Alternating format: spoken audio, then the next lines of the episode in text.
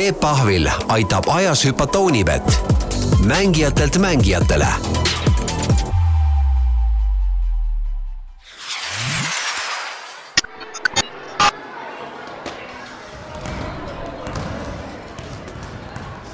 Tervist, eetris on Peep Pahv ja hüppajate järjekordne saade ja kui siiamaani oleme rääkinud sportlaste ja treeneritega, siis seekord on meil stuudios äh, mõnes mõttes eriline külaline, ehk siis äh,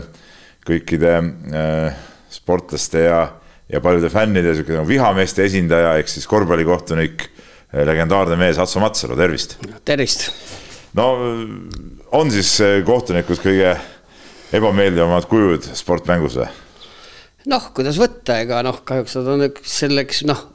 selle mängu osa ja me peame nendega ole, olema ja, ja elama, nii et aga eks alati, kui keegi on kellegi poolt, siis teatud kohtunike otsused on ju ebameeldivad ja ei ole meie kasuks, nii et aga noh, eks see, sellega peavad kohtunikud elama ja ma arvan, et et see on üks mängu osa ja, ja, ja, ja, ja kindlasti kindlasti on ka see, mis nagu on, mis vajab kindlasti ka mänguosalistel arusaamist kohtunikest ja nende otsustest, nii et noh, kindlasti siin on ka osa selles, et tuleb ka reegleid tunda, need, kes neid kriitikat selle koha peal teevad. kindlasti, no ma tavaliselt alustan saadet eh, sportlaste käest, küsin, millal viimati oma eh, alaga tegelesid, ma küsin, millal sul viimati vilesuus oli? minul oli viimati vilesuus, kui oli Martin Müürsepa lahkumismäng. Martin isiklikult kutsus, nii et mis toimus Saku hallis ja olid legendid mängisid, nii et see oli, see oli, see oli minu viimane, kuigi ma olin otsustanud, et ma enam ei vilista korvpalli peale seda, kui ma ta tegelikult kappi vile panin, aga, aga noh, Martin palus, et ma tuleks, siis ma ei saanud seal seekord ära öelda. no see oli show, eks ole, seal. ei, see oli show ja, ja, ja, aga noh, ikkagi selles mõttes ja. oli, oli nagu vilja suus. ei, ei muidugi, muidugi, muidugi, et sihukest asja võib ikka teha. no lähme kõigepealt siis äh, sinu noorusaega, et et nii palju, kui ma tean, sa natuke korvpalli, võrkpalli mängisid ikkagi nooruses ise ka, et, et olid, olid natuke spordimees. no ikka olin ja, ja ma mängisin ka liinirajooni spordis, mängisin noorteklassid võrkpalli ja, ja siis natuke ka härra Sepiku juures Oskis mängisin korvpalli ka, sest mul, mul ema oli ju kunagi Sepiku õpilane ja mängis Dünamos ja oli ka Eesti koondise, naiste Eesti koondise kandidaat, nii et korvpall, korvpall oli nagu veres ja hinges ja, ja ja, ja siis sai ka pärast mängitud Temptis nii võrkpalli kui korvpalli ja isegi, isegi tuldud, ütleme, Balti paade meistriks, aga noh, ütleme seal mõni suur põhitegija muidugi ei olnud, aga, aga siis pärast sai mängitud korvpalli ka veel. selline klubi oli taksopargis nagu Tempona, kindlasti sina mäletad ja. seda ja siis seal sai mängitud ka teises liigas ja esiliigas korvpalli, et noh, natuke seda põrgatatud on, aga noh, eks see, eks siis tuli see, see vilistamine, mis sai nagu põhiasjaks aga kui sa nooruses mängisid, noh, oli siis võrkpall, korvpall, äh, oli sul mingeid eesmärke ka või tunnetasid sa, et sul on nagu mingi võimalus kuhugi jõuda või see oli lihtsalt sihuke lahe tegevus, et sai kuttidega koos seal möllatada? vaata, meie ajal sai nagu mäletad, tehti kõiki asju, me mängisime isegi on ju jäähokit mängisime on ju seal majavalitsuste vahel, et nagu see sport oli nagu selline nagu selline oluline osa elust ja ega selliseid muid kõrvalasju nagu tänapäeval noortel võimalusi siis ei olnud ja, ja, ja siis sai ka kõiki asju tehtud, aga ei, ma ütlen, ega mul, ega mul otseselt ju mingeid suuri eesmärke selles mõttes ei olnud, ju ma ei olnud nii andekas ei kummaski, ei võrkpallis ega korvpallis, nii et aga, aga noh, tagamängija rolli ma seal mängisin ja sel ajal ka mõni, mõningaid kolmeseid ma ikka sisse sain ka esiliigas, nii et selles mõttes päris, päris nii uhme ei olnud, et. oli tol ajal sportlikult mingeid eeskujusid ka või mida sa ise jälgisid, noh Kalevi korvpall, äh, võrkpall, no mõlemad olid siuksed nii ja naa seisus toona, kui sa noor olid? jah, ega see aeg ju oli see, oli see just see meil see Kalevi raske aeg on ju, kus nad seal virelesid Nõukogude Liidu on ju esiliiga piirimail ja, aga noh, eks meeskujud ikka olid kõik, kõik mängijad, äh, nii Tammisted kui Thompsonid ja, ja, ja neid sai ka ju vaatamas käidud, mul ema oli ka omal ajal vabariikliku kategooria lauasekretär kohtunik, siis ma ka väga palju käisin ka mängudel ja käisin ka Eesti meistrivõistlustel numbreid panemas ja keeramas nupuga, nii et eks neid kõiki sai ka sel ajal, sai ka väljakul nähtud. kas võib ütelda siis see, et sa kohtuniku ameti poole hakkasid vaatama, et see ema mõjutus on nagu päris suur või tema tegevuse mõjutus? tema tegevuse kindlasti jah, ta oli lauasekretär ja ma käisin mängu ja nägin neid vilistamisi ja noh, sealt oli ka selline legendaarne kohtunik, keda kindlasti paljud mäletavad, olid Ants Käbi omal ajal on ju, kui tema vilistas, siis saal oli tasa ja mängijad ei julgenud ühtegi sõna öelda, nii et eks, eks seal kindlasti see mõju oli, miks see selline korvpallikohtuniku siis, korvpallikohtunikuks hakkamise huvi tuli. Aga mis see siis tundus nagu lahe, ütleme, noore poisina vaatasid, no näe, see on nagu kõvem mees kui mängijad, et kogu võim on tema käes, et vot ma tahaks ka sihuke mees olla või? ei, ei ma nii sellel ajal ei osanud üldse vaadata, tegelikult ma ju tegelikult hakkasin korvpalli vilistama aastast kaheksakümmend kuus, kui ma sõjaväest tulin ja sattusingi sinna eh, Tallinna siis eh, taksoparki tööle ja, ja Tempo klubisse ja seal olid sellised siis ka tuntud oma aja kohtunikud olid, olid eh, Mati Metas oli ja, ja, ja Toomas Liibe oli ja, ja ka ju tuntud korvpallimängija, et et läbi nende siis ma ikkagi sain, sain selle pisiku külge ja, ja muidugi suur tugi oligi Ants Käbilt omal ajal, kes siis, kes oli siis, kelle poole mul siis ema palus pöörduda ja, ja siis Ants Käbi siis toetas mind sellel karjääri algusel oma oskuste ja, ja, ja, ja kõigi, kõigiga, mis tal oli. no ma vaatasin järgi, et sa said nii-öelda vabariikliku kategooria, mida iganes see tänapäeval ka ei tähendaks, said kaheksakümne seitsmendal aastal, et sisuliselt siis aastaga jõudsid nagu sellele tasemele, et võisid siis mida, mis see siis andis Eestis, võisid vilistada Eesti meistrivõistlusi või? Eh, jah, Eesti meistrivõistlusi vilistada ja vabariigi kategooria andis ka liidulistel võistlustel juba kuni esiliiga vilistamise võimalusi. nii et, et selles mõttes see oli nagu oluline kategooria, et võimaldas käia ka siis suurtel Venemaa avarustel vilistamas ka ütleme NSV Liidu meistrivõistlusi nii noortele kui siis naistele ja meestele. kõrgliigat ma ei saanud vilistada, ennem sai, ennem tuli Eesti Vabariik ja sai see, sai see suur Nõukogude Liit sai, sai otsa, aga jah, aga üldiselt ma tegin suht ruttu karjääri, ütleme siin ka Eesti mõistes, ma arvan, kaheksakümmend seitse ma vilistasin juba jah, Eesti meistrivõistlusi. Noh, seda siis kõrgemat mm taset ja, ja, ja ja, ja sain suht ruttu sinna jah, ütleme Eesti toppi, nii et selles mõttes nagu Karl Jungeparant, no keda me teame ka kõik kohtunikuna on öelnud, et selline asi antakse, pool peab olema emapiimaga kaasa antud, ju mul siis seda oli natuke emapiimaga kaasa antud. aga mis selleks toona tegema pidi, et näiteks vabariiklikku kategooriat saada, et eh, kas lihtsalt tuli mingid kursused läbida, teha mingi füüsiline test või, või ütleme ikkagi nagu mängu, mänguolukordades ka kontrolliti sind? noh, eks loomulikult vaadati, ega, ega ja eks seda, seda siis selle ettepaneku selle kategooria saamiseks tegi siis mingi kõrge taseme, ütleme, kohtunik, noh, sel ajal siis näiteks Ants Käbi, kes oli siis kohtunik kogu esimees, et see, eks sealt need, selle kaudu need ettepanekud tulid, aga, aga ma pean tunnistama, et ma ei mäleta, et selliseid füüsilisi teste, mida me nüüd oleme sel ajal teinud ja uue uue Eesti ajal, et selliseid teste kindlasti ei olnud. ma mäletan vist Vene ajal oli see kolme tuhande meetri jooks oli staadionil mm. -hmm. seda tehti ja ei, kindlasti testid olid ka, testid olid kindlasti ka, ütleme, määruste tundmiseks. no sa ütlesid, et jõudsid käia seal Nõukogude Liidu avarustel ka, et noh, see on alati sihuke sihuke huvitav ja, ja põnev maailm võib-olla, mida noh, tänapäeva noored inimesed ette ei kujutagi võib-olla väga hästi, et et eh, kuidas need määramised olid siin, ütleme esiliiga turniiridele, naisteturniiridele, ma ei tea, noortemängudele, et kuidas, kuidas see asi käis, et kas selleks pidi nagu midagi nagu ekstra tegema, ma ei tea, kellelegi pudel konjakit või assortiikarbi viima, et, et, et sinna saada või, või kuidas see asi käis? noh, eks sel ajal need asjad käisid natuke teistmoodi, aga, aga eks nad ja, ja kogu see asi käis läbi Moskva, sel ajal ka nagu käisid ka rahvusvahelised määra, määramised, nii meil oli sel ajal juba ju äh, Ants Käpi ja, ja Valdo Suurkask olid ka ju rahvusvahelise kategooria kohtunikud. aga ausalt, ma minu puhul ma ei mäleta, et oleks mingisugused, et ma pidin kellelegi midagi tegema, ma arvan ikkagi see, et siit Eesti siis korvpalliföderatsioon või miga, mis ta iganes see nimi oli seal piiritel on ju kindlasti ja läbi siis läbi siis selle need nimed andi, kes on vabariikliku kategooriad ja sealt siis, sealt siis need määramised tulid, aga noh, ega ma ju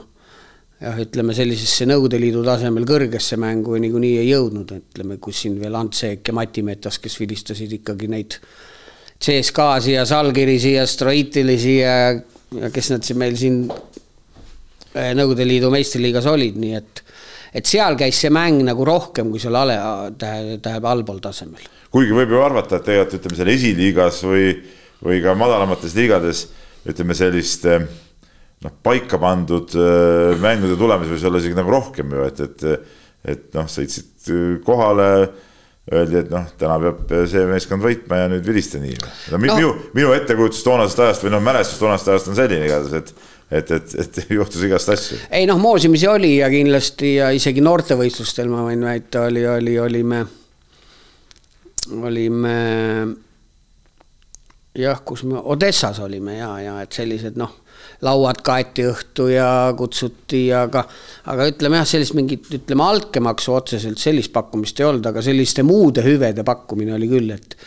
et nagu, nagu anti mõista, et oleks parem, kui see võistkond homme võidaks, noh, et selliseid asju küll, et selles suhtes on sul õigus. et selles suhtes see kohtunik hea olla, sa olid head-paremat, kui läksid kuskil vilistama head-paremat laua peal oli nagu kogu aeg, et lusika võis kalamarja sisse panna. ja seda Nõukogude Liidu ajal oli küll jah, selle,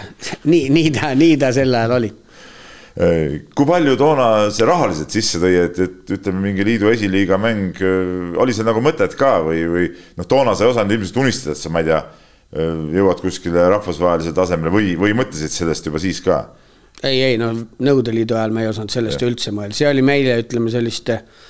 vabariikliku kategooria kohtunikel ja sellistel noortel meestel, see oli, see oli ikka nii kauge unistus, kõik teadsid, et see asi käib läbi Moskva ja seal, seal need, seal need asjad otsustati teistel tasanditel, et. aga ei noh, tasude poolest võib öelda, et ega, ega me tegime seda hobi korras, ega need mängud olid seal mäng, ma ei tea, kas oli kolm rubla või või, või noh, ütleme, kui sa olid mingi turniiri nädalavahetus, ütleme esiliiga turniiri võib-olla said mingi kolmkümmend rubla, et noh, ütleme sel ajal nagu seda ütleme täna, kui need finantsid on tõusnud, ütleme suht äh, kõrgele, kõrgele tasemele, on ka selline finantsmotivatsioon kohtunik ja siis sel ajal oli ta lihtsalt ikkagi, et sa tahtsid seda teha tegid seda tõesti nagu sellise hobina ja hingega, et sulle meeldis see asi, mida sa tegid lihtsalt. no võimalus oli ka ikkagi käia ringi ja ütleme, ütleme elu oli nagu seiklused nii-ütelda. ja seda küll jah, et ikka põnev oli ka ju, polnud ju kusagil käinud, noh, ma polnud ju Kirgiisias, Usbekistanis käinud, noh, erinevates eh, Venemaa linnades on ju, et selles mõttes sai ju avastada seda suurt, suurt Venemaad ka, ega tõenäoliselt muidu poleks sinna kunagi sattunud, ütleme. no Kalevi filmist, kes nüüd on vaadanud, seal on ka üks, üks koht, kus äh, Kalevi meeskond jõuab kuskile jumal teab kuhu Venemaal ja, ja siis seal on need vaated saalidele ja duširuumidele ja WC-dele ja asjadele, et, et eh, kohtasid ka siukseid ekstreemseid, eh, ekstreemseid olmetingimusi seal eh, kuskil Kirgiisias või jumal teab kus ringi sõites noh, ma võin sulle, ma ei oska muidugi öelda, kus see Kalevi filmitegijad need ruumid leidsid, aga need on üks-ühele sellised, nagu nad sel ajal olid, et seal nagu oli, see oli nagu väga hästi ära tabatud, ega ja mõnedes kohtades ei pruukinud vett olla, ei pruukinud sooja vett olla ja noh, saalid olid täpselt just sellised, kus see Kalevi, Kalevi filmi ajal mängiti, et ega need ekstreemolukorrad ja noh, ja, ja ega hotellid võib ka tänase võrdluses öelda, et võib-olla olid sellised ühe-kahe tärni tasemel, et et ega jah, ekstreemsust oli palju selles osas, aga noh, see ümberringi jälle see foon ja kogu see, ütleme, selline sõbralikkus ja see nagu ju öeldakse, selline vene keeles on hea sõna kostiprinstva nagu on ju, selline hea vastuvõtt, et see nagu kaalus selle kõik, kõik üles ja, ja, ja selles mõttes oli see ikkagi ütleme fun. no tuli uus aeg, äh, astusid kohe nii-öelda rahvusvahelisele karussellile või, või äh, nägid kohe ära, ma vaatasin, üheksakümmend kaks aastal oled juba teinud FIBA litsentsi endale. ja me, meil oli, tuli võimalus Eesti, Eesti, Eesti sai rahvusvahelise siis äh, korvpalliföderatsiooni siis liikmeks ja siis tekkis ka kohtunikel kohe võimalus ka siis või tähendab siis nendel alaliitudel saata ka siis ütleme kohtunikke kandideerimaks rahvusvahelise kategooria kohtunikuks ja noh, me kasutasime selle võimaluse siin, võimaluse siin kohe ära, esimesel võimalusel seminar toimus Oslos ja siis mina, kadunud Belov, olgu talle mulk kerge ja, ja, ja Harri Nuka, siis kolmekesi istusime minu Laada kakskümmend üks null viite ja, ja, ja sõitsime, sõitsime selle autoga siis ka meie ütleme kadunud Estonia peale ja, ja Estoniaga siis Rootsi ja ja Rootsis siis lasime selle laadaga siis sinna Oslosse, kus see semi-, seminar toimus, aga noh, aga ma võin sulle, Peep, öelda, et me ei teadnud, meil polnud aimu ka, kuhu me lähme. et mis seal olema hakkab, mis seal toimuma hakkab. et see oli nagu, see oli täitsa noh, meie jaoks ju täitsa uus maailm on ju noh. Eks see ju noh, eks me kartsime natuke keelebarjääri ka, kõik ju käis inglise keeles, no sel ajal oli kolm keelt oli veel nagu ametlikku oli. oli, oli ähm, enne seda oli kunagi FIBA keeled olid vene, prantsuse, inglise, aga sel ajal, kui meie juba läksime, siis oli ainult prantsuse ja inglise keel. ja siis Oslos see seminar toimus ja, ja, ja jah, kahjuks noh, või aga õnneks ütleme, noh, ütleme minu puhul õnneks sealt seminarid siis läbisin ainult mina üksinda. Belov ja Nuka sealt läbi ei saanud, aga, aga, aga ma arvan, see oli ka neile väga suur kogemus, me vilistasime päris korralikku turniiri, kus meid hinnati, see oli Põhjamaade turniir, seal mängisid Leedu. Leedu ja Eesti mängis isegi ja, ja Läti ja Soome, Rootsi, Norra, et mängud olid väga-väga iseenesest väga tasemel, nii et et selline, selline kogemus oli ja õnnestus rahvusvahelise kategooria saada ja noh, ütleme esimesena siis Eesti rahvusvahelise uue aja ja rahvusvahelise kategooria kohtunikuga suht alguses avanesid ka suured võimalused, käisin kohe olümpiakvalifikatsiooni vilistamas ja siis käisin Eesti koondisega, vaata seda EM-ile pääsemise koalitsiooni Poolas vilistamas, et ma sain küllaltki päris häid mänge sain kohe ja, ja, ja siis käisin selles siis kõige edukamal Eesti koondisega ka ka seal üheksakümne kolmandal siis EM-finaalturniiril, kuigi ma tunnistama, seal ma ühtegi mängu ei saanud rukina. okei, aga ma tulen natuke veel tagasi selle osa, osakäigu juurde, et et noh, üheksakümne teine aasta, noh, väga paljud eestlased polnud äh, kunagi läänemaailma veel saanud selleks ajaks, et võib-olla mõned olid Sotsimaal käinud ja mina tunnistan ausalt, mina polnud äh,, polnud Nõukogude Liidu piiridest selleks ajaks veel, veel äh, välja saanudki. Läks veel aasta või, või paar mööda, kui, kui sain ka välismaale esimest korda, aga aga kui suur see sihuke, ma ütlen, noh, sihuke kultuurishokk, üks asi see, et noh, näha seda osad kui sellist, mis on nagu noh, no vägev, vägev linn ja siis teine asi see, see, sa ütlesid, see erinev maailm nagu, nagu kohtunike mõistes ka võib-olla, et, et kui palju see, mida seal nõuti, erines siis sellest, mida siin Eestis nõuti? noh, eks mina olin küll käinud korra, ütleme Soomes kaheksakümne või üheksakümnend, üheksa, kaheksakümmend üheksa, üheksakümmend korra, et noh, mulle nii väga suur šokk see ei olnud iseenesest, aga noh, loomulikult täitsa, täitsa uus maailm ja, ja aga noh, seminar, see ikkagi erines täielikult meie kogemustest, ütleme nii, et noh, kogu see lähenemine ja, ja sel ajal olid siis kindlasti sina mäletad ja paljud võib-olla kuulajad mäletavad ka, oli Ljubomir Kotleba ja Nars Anolin olid siis sel ajal instruktorid, ütleme ja ja kogu see ülesehitus ikka oli meie jaoks ikka totaalselt uus ja noh, ja teine muidugi asi ka, et noh, võõrkeeles asi toimus, on ju. ütleme ja, ja, ja ütleme siis äh, ütleme ka füüsilise, füüsilise testide pool oli väga karm, et täna isegi on lihtsam, me tegime seal, tegime joonejooksu ja siis tegime selle kestvusjoonega ühe poole tunni pärast veel otsa, nii et see oli, see oli päris, päris karm kogemus iseenesest. oskasid sa valmistuda selleks? ei osanud, ei osanud, ei osanud valmistuda ja ma olin, ma pean tunnistama, et ja siis täna, kui meil kohtunikud jooksevad seda kümme minutit, seda noh, siis joonest jooneni lõppu mm, -hmm. siis minu ajal oli see kaksteist minutit, noh ja, ja peale seda poole tunni pärast oli siis see traditsiooniline veel joonest jooneni jooks, nii et ma ütlen, et ma olin ikka päris ikka, ikka täitsa läbi, aga aga noor mees, pidasime vastu. no sa ütlesid, said ju kohe neid eh, väga häid turniire ja mänge, kus tõesti ju suured koondised ja, ja, ja suured staarid ju tegelikult mängisid. Eh, need lisavalikturniirid ja, ja asjad, eks ole, et, et no ütle ausalt, kas oli hirm ka, kui sa nüüd sellesse maailma esimest korda läksid, et, et pidid vilistama Äh, oli kuidagi teistmoodi, nagu sa olid siin siiamaani mingit kohalikku tasandit ja võib-olla natuke liidu madalamat tasandit vilistanud ja nüüd siis järsku sihukeses laias maailmas? ütleme nii ja naa, ütleme, no kui sa lähed uude täitsa ju kohtasse nagu no nagu ei osanudki midagi oodata, ütleme otseselt nagu hirmu ei olnud, aga noh, loomulikult närv oli sees, ütleme ega ega sellel ju, ju Poolas, kus me kvalifikatsiooniturniiril käisime, see oli siis Petrovitšiga ju viimane turniir on sealt ta koju koju sõitis, et neid staare oli seal ikkagi väga palju, aga, aga sai suht et sellist tuge, ütleme ka sellist vanemat kolleegidelt, mul oli hea kolleeg, kindlasti mäletab, Brazauskas oli selline, kes ka osales, temalt, temalt sai tuge ja, ja aga, aga ma ei mäleta, et mul hirmu oleks olnud, aga kindlasti selline närv oli ikka sees, kui esimest korda sinna väljakule läksid. Ja siis me ju veel vilistasime ka kahekesi, et meie vastutus oli palju suurem, kui ütleme, tänasel puhul on. aga, aga kuidagi, kuidagi ikkagi sain sinna sisse elatud ja ma arvan, et mida mäng edasi neid vilistades tuli see enesekindlust oli suurem ja, ja asjad läksid paremaks. mismoodi on, ütleme, kui sihukest suurt staari äh, vilistada sihukest mängu, kus on mingi suur staar sees, et kas alateadvuses kohtunik püüab teda hoida või vastupidi, on tema vastu hoopis karmim, kuidas sa enda kogemuse põhjal seda, seda, seda välja tuua? mina mina küll kedagi hoidnud ei ole ja ma ei ole ka kellelegi nagu äh,, nagu ka üle vilistanud, et suur staar, et, et noh, et et vilistan sulle just sellepärast, et sa oled uus staar, et äh, et sa suur staar oled, aga mina sellist momenti küll tundnud ei ole, kuigi kuigi paljudele, ütleme, kõrvaltvaatajatele kindlasti tundub, et näe, no see on suur staar, et teda hoitakse, talle ei vilistata ja teisel pool sellisele, ütleme,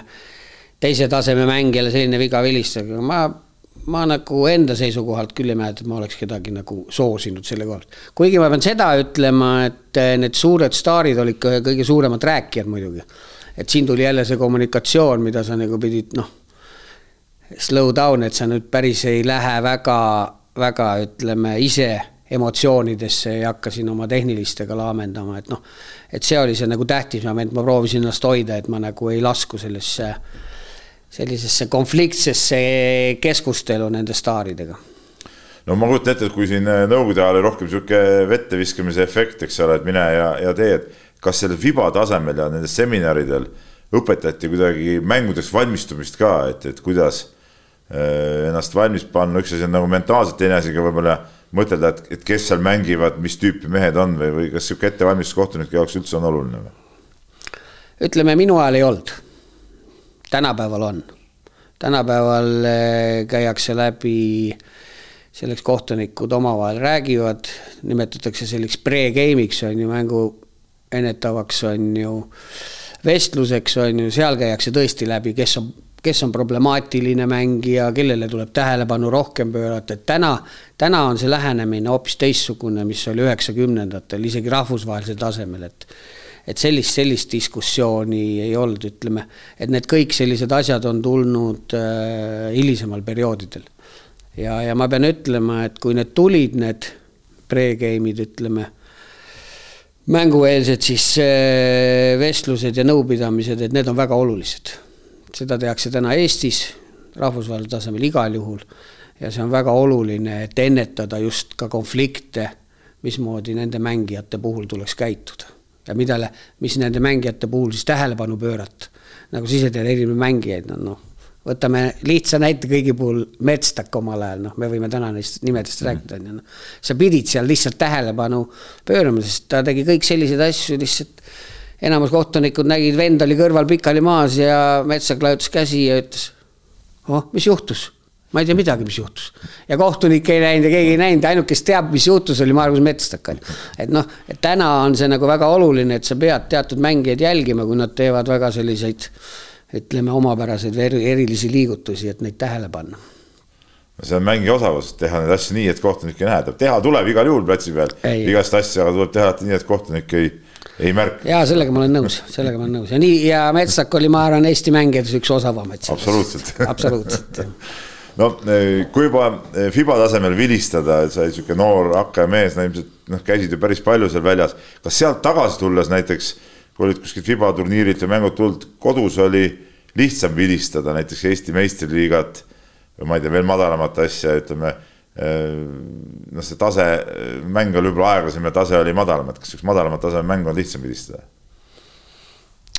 Ma ei ütleks, et lihtsam, noh, ütleme täna isegi mina peangi Eestis ütleme sellist esiliiga mänge võib-olla isegi raskemaks kui meistriliiga mängida. mida kõrgem tase, seda mängijad on ka osavamad ja selline selgem ja puhtam mäng käib iseenesest. mida, mida madalam korvpallitase, seda rohkem ka on sellist noh, ma ei taha öelda robustset, aga ikka rohkem sellist eksimusi ja kontakte, ebatavalisi kontakte on ju, et. et ma ei ütleks, et lihtsam on allpool vilistada, ma arvan, ega mida kõrgem top level on isegi, seda on natukene lihtsam vilistada, kui ütleme allpool. aga selgelt sellised rahvusvahelised mängud ja annavad sulle enesekindlust juurde, on ju, sa tead, millele tähelepanu pöörata, on ju ja, ja, ja kogemusi tuleb juurde nii, nii suhtluses kui üldse selles mängu, mängusituatsioonides, mis noh, iga minut, iga sekund muutuvad ju, et selles mõttes on see, ma arvan, väga oluline, mida rohkem Eesti kohtunikke rahvusvahelist taset vilistavad, seda parem on ka kindlasti meie siin Eestis viletase. no oma, kui sa oma sihukest tippaega mõtled, kui, kui palju sa hooaja jooksul said neid igast välismänge, ma ei tea, eurosarju? ma mõtlen selline, ütleme selline hea hooaeg oli, oli kusagil kaksteist kuni viisteist mängu. et see, see oli hea, kui sa ikka hakkasid juba sinna alla kümne saama, ütleme, ütleme siis tuli, ütleme siis mäng kuus ainult, siis pidasid, et noh, siis ei olnud hea hooaeg. aga kui sa ikka said kaks mängu kuus, noh, meil hooaeg on, hooaeg on meil kümme kuud, on ju, noh, ütleme mõni kuu jääb siin vahele, on ju, ütleme ka eh, on lühem kuu, siis ütleme jah, selline viieteist mängu jooksul oli selline, siis, siis pidasid hooaega õnnestunud, siis oli, siis oli hea hooaeg no toona ütleme üheksakümnendatel noh, ei olnud sihukest eh, nagu praegu on Euroliiga ja Fiba eh, võitlust ka, eks ole, et need kõik olid ju Fiba, eh, Fiba turniirid ja Fiba, Fiba asjad ja, ja neid mänge oli vist natuke vähem ka võrreldes praeguse ajaga. mänge oli vähem ja liigas oli vähem ja, ja aga, aga kohtunikke oli ka vähem. aga millest see sõltus, see kutsumine, ütleme, kas siis seal mängis rolli ka ikka mingisugused suhted, et sa, sa korra juba pildile saad ja, ja ma ei tea, võib-olla mõne siukse olulise inimesega saad võib-olla mingi kontakti ja, ja tutvuse, et siis tulid ka need äh, rahvusvahelised määramised kergemini. no ütleme jah, kui alguses noh, ma olin uus tulija, on ju, uus nägu ja kindlasti prooviti ja vaadati ja ja, ja siis sa said neid, said mänge rohkem ja kui seal õnnestus ja, ja ütleme, mängude komissarid, mängude komissarid soovitasid ja siis sellega kaasnes ka rohkem mänge, on ju, noh, seda vähem, kui jälle mingi ebaõnnestumine võis olla või kusagilt tuli negatiivse hinnang sinu sinu mängul, eks kõigil satub ju halbe mänge ka, ega siis me ei ole keegi, nii mängijal kui kohtunikul, kõigil satub halbe mänge ka. siis selge, siis võib olla, et järgmine kuu ei olnud sul jälle, ütleme selliseid paremaid määramisi, nii et. aga noh, ega ma ju oma, oma vile, rahvusvahelise vilekarjääris ma mingisuguse suurde, väga suurde toppi ma ei jõudnudki, on ju, siis tuli see omal ajal ju või tähendab, siis tuli ju see lahkumine Kviba ja mhm. euro vahel on ju, kus siis pidi, pidi nagu vaatama, kummale poole sa kaldud, on ju. aga, aga ütleme sellel ajal üheksakümnendatel siis kuni üheksakümmend kuni kaks tuhat, sel ajal ma ikkagi jah, vilistasin ikka kõiki need eurokapi mänge, nii naiste kui meeste omad ja käisin kahel universiaadil ja ja, ja käisin veel kahel EM-il, nii et selles mõttes ma olin nagu, nagu olin pildis aga noh, peale seda hakkas jah, siis juba asi hakkas juba nagu allapoole käima. no sa mainisid, et nii meeste kui naiste mänge. mis seal see vahe on nagu, et kas naised äh, kuuletuvad kohtuniku äh, vilele ja, ja märkusele kuidagi kergemini ja, ja neid äh, vastuhakkamist või, või sihukest haukumist mängijate poolt on vähem või, või on hoopis vastupidi, et naised võivad ka päris emotsionaalsed olla? Nad võivad olla, aga sul, ma arvan, et et sul on ikka õigus, et naised nii palju emotsioone ei avalda kui mehed, et, et naiste mäng on kuidagi rahulikum, ta on kuidagi. ma ei ütleks, et teda kergem vilistada on, ta on selgelt aeglasem kui meeste mäng on ju, aga ta on jälle selliste oma, oma, oma, omapäraste omapäraste selliste situatsioonidega ja noh, naiste naiste jälle kõrgtaseme korvpall ütleme Venemaal, kus ma väga palju käisin vilistamas naisi, seal on ju ameeriklasi oli väga palju ju nende VBNA siis mm. -hmm naiste, naiste siis NBA mängijaid, et seal oli see tase ikka päris kõrge, et ütleme, mängiti täitsa, ütleme siin meie meeste esiliiga tasemel, et ei ole midagi, aga, aga ma seda võin küll öelda jah, et sellist äh, emotsiooni ja kohtunikega rääkimist oli naiste korvpallis vähem, vähemalt minu ajal, ma ei tea, kuidas täna on. aga ütle nüüd ausalt, noh sa oled sihuke täisjõus äh, mees, noh ikka ilusad naised meeldivad ja kui nüüd mõnes võistkonnas on sihuke naismängija, kes tead kohe hakkab sulle silma, et ai pagan, ta on ju päris lahe. no kui ma talle äkki viga ei vilista või ma tahan, no äkki ta tahaks, et ta võidaks või tekib sihukest noh, nagu enda sisevõitlust või sihukest emotsiooni ka mõnikord? ei tea, minul ei ole küll tekkinud, et kindlasti loomulikult, ega naisterahvad vaatad kenad mängijad mõned ja ja, ja, ja tähtis on lihtsalt, et seda liiga kauaks vaatama ei jää, muidu magad mõne situatsiooni maha, aga aga ei, mul sellist momenti küll ei tekkinud, et nüüd on nii väga kena ja, ja, ja temale nüüd, okei okay,, ma annan talle andeks mõne asja, et, et sellist momenti ei olnud. seal, kui sa kohtunikega lähed, sa viskad selle palli õhku ja jääd sinna, lähed sinna mängu sisse, siis sa oled see nelikümmend minutit seal mängus sees, olgu need siis naised või mehed. no mida sa enda sihukeseks kõige-kõige tippmänguks pead, mis sul äh, õnnestus äh, vilistada, on mingi selline sihuke selge, selge top? no ma arvan ikkagi EM-il need koondiste mängud. et ma neid eurokappe meeste mänge nii väga ei mäletagi mingit väga toppi, noh, Ritase mängu, kus, mis, mis mul eluajaks meelde jäänud, ma tõesti nüüd ei mäleta, kellega Ritas mängis, aga ma mäletan, Jassikevitsus oli seal väljakul ja ma tean, et temaga oli mul seletamist väga palju. no nagu me kõik täna näeme no. televiisorist ka, et, et tal on kõigiga seletamist väga palju. aga siis ta mängis Ritases ja, ja see mäng on mulle nagu eredalt meelde jäänud, see oli see oli Leedus ja see oli väga tihe mäng, muidugi ei mäleta, kes võitis. aga see on mulle eredalt meelde jäänud, aga siis erinevad koondiste mängud ikkagi EM-il ja ja, ja universiaadil ütleme seal USA, USA koondise mäng ja, ja mõne Austraalia või Kanada, et vaata niisuguseid maid meie ju nii väga palju vilistada ei saa, et need on nagu jäänud ikkagi siis selliseks, selliseks tipphetkedeks. kas sa, no mõned ju panevad kirja ja, ja peavad statistikat, et noh, käisin seal ja käisin seal, sa sihukest statistikat teinud, et palju mina ei ole teinud, mina ei ole teinud. palju või kus ja, sa ja, oled vilistanud? mõned teevad, aga mina tõesti ei ole teinud, et kuidagi, kuidagi, kuidagi ta mul on selline jään nagu hobine, et ma nagu ei, ei ole jah, sellist, sellist raamatupidamist pidanud. no kohtunike puhul üks eriline omadus peab muidugi olema, et see nahk peab ikka väga-väga paks olema, et et üks asi on äh, mängijate, treeneritega suhtlus, teine asi on see, mis ka tribüüni pealt tuleb ju igasugust noh, igasugust sõimu ja, ja saasta sulle kaela seal mängu ajal. et kui palju, ütleme sina kohtunikuna seda kuulsid, mis tribüüni pealt näiteks mõnikord ka sinu kohta seal hüüti või, või tehti ja, ja kui palju see nagu aiu jõuab ja, ja sind mõjutab? noh, eks me ikka kuuleme, noh, Eestis eriti, ütleme, Eestis on ju väiksed saalid ja, ja rahvast on vähem, ütleme, ütleme suuremates, suuremates saalides ja kui rahvas eh, hüüab ja karjub ja oled võõrkeelses keskkonnas, siis ausalt öelda ei pane seda üldse tähele. pigem ma arvan, me ikkagi kuuleme seda Eestis ja, ja ja kui sa omal ajal mäletad, Kalevi spordihallis oli siin Tammiste müüs õlut ja siis seal oli tribüün, kus. see sektor sektor jah, tarkade, tarkade klubi, et noh, sealt ma ikka neid kuulsin ja. ja mõnikord ka isegi nendega kommunikeerisin, aga, aga, aga ma pean tunnistama, et mind ei ole see mõjutanud. võib-olla mul on tõesti paks nahk olnud selle koha pealt, et. Aga noh, mõnikord, kui sul keegi võib-olla lähedalt tõesti sulle seal paari-kolme meetri pealt rivist ütleme sulle väga ebameeldiva tsensuuri ütleb, siis ma noh, kindlasti ma olen sinnapoole pööranud ja vaatan, mis, millega tegu, et.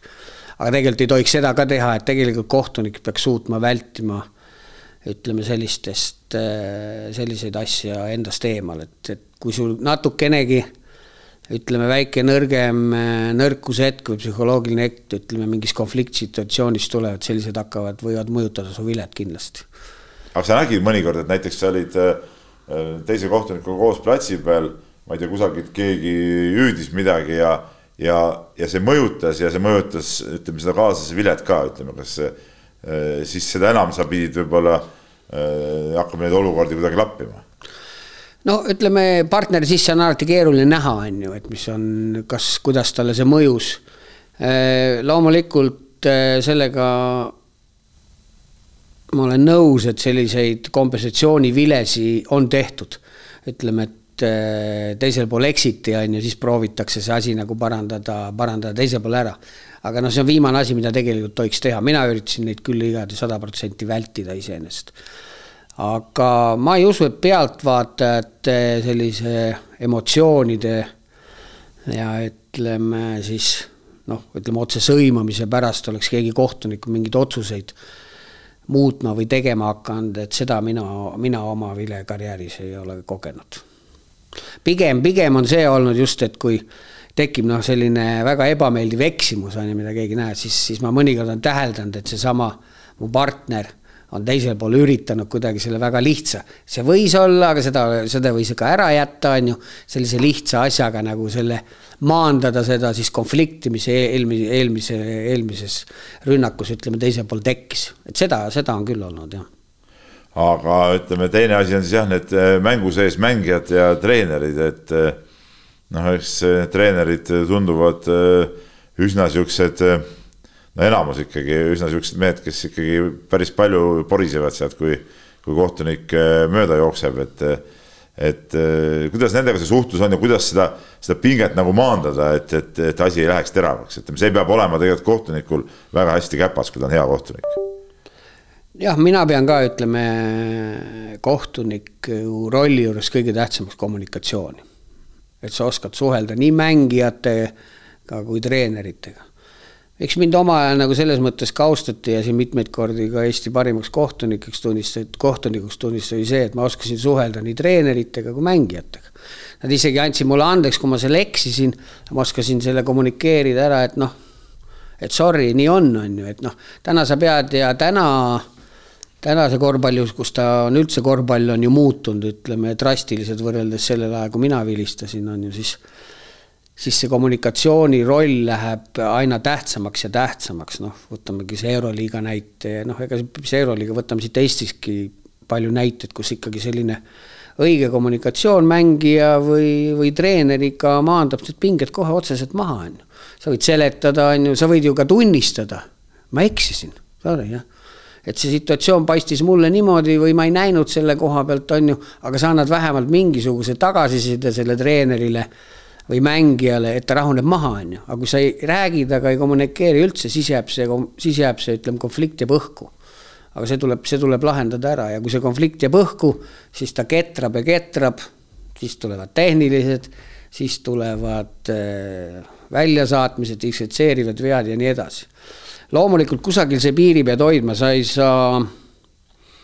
sa ei saa nagu laadaks minna, see jutt peab olema suht konkreetne, lühikene aga sellises rahulikus toonis ja, ja, ja treener saab sellest aru, see on see tähtis. loomulikult, kui me iga asja hakkab, kohtunik peaks hakkama selgitama mängijate treenerile, siis, siis roh-, rohkem nagu tuleks sellest jututuba kui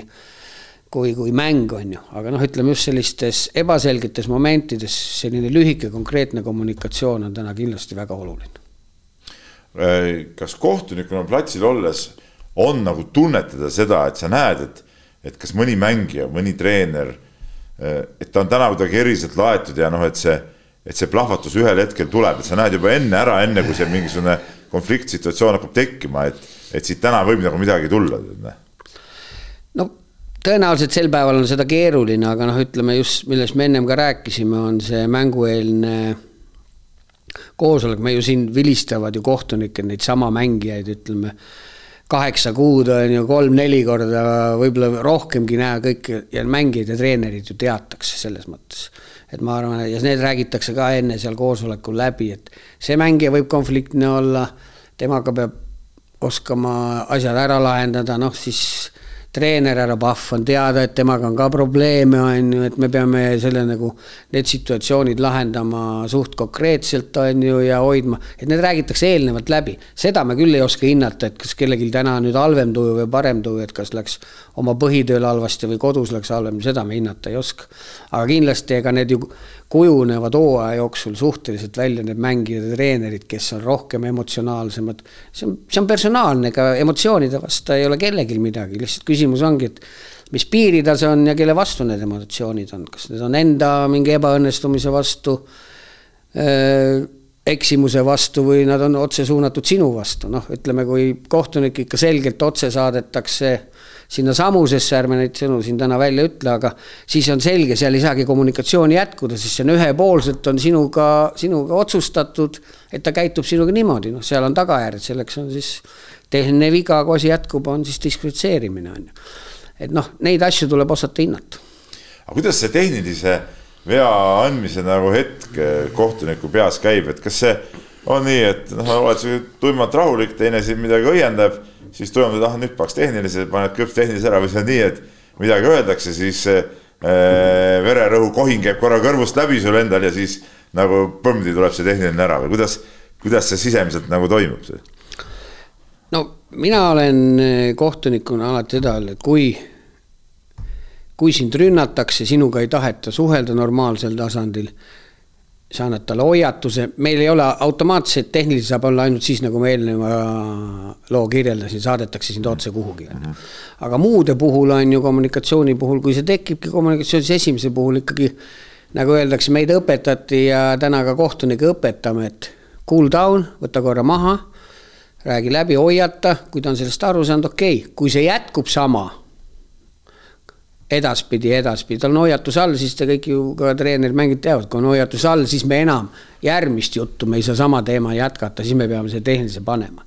see on see tehnoloogia, mille järgi tegelikult kohtunikke õpetatakse, ütleme siis tehnilist kasutama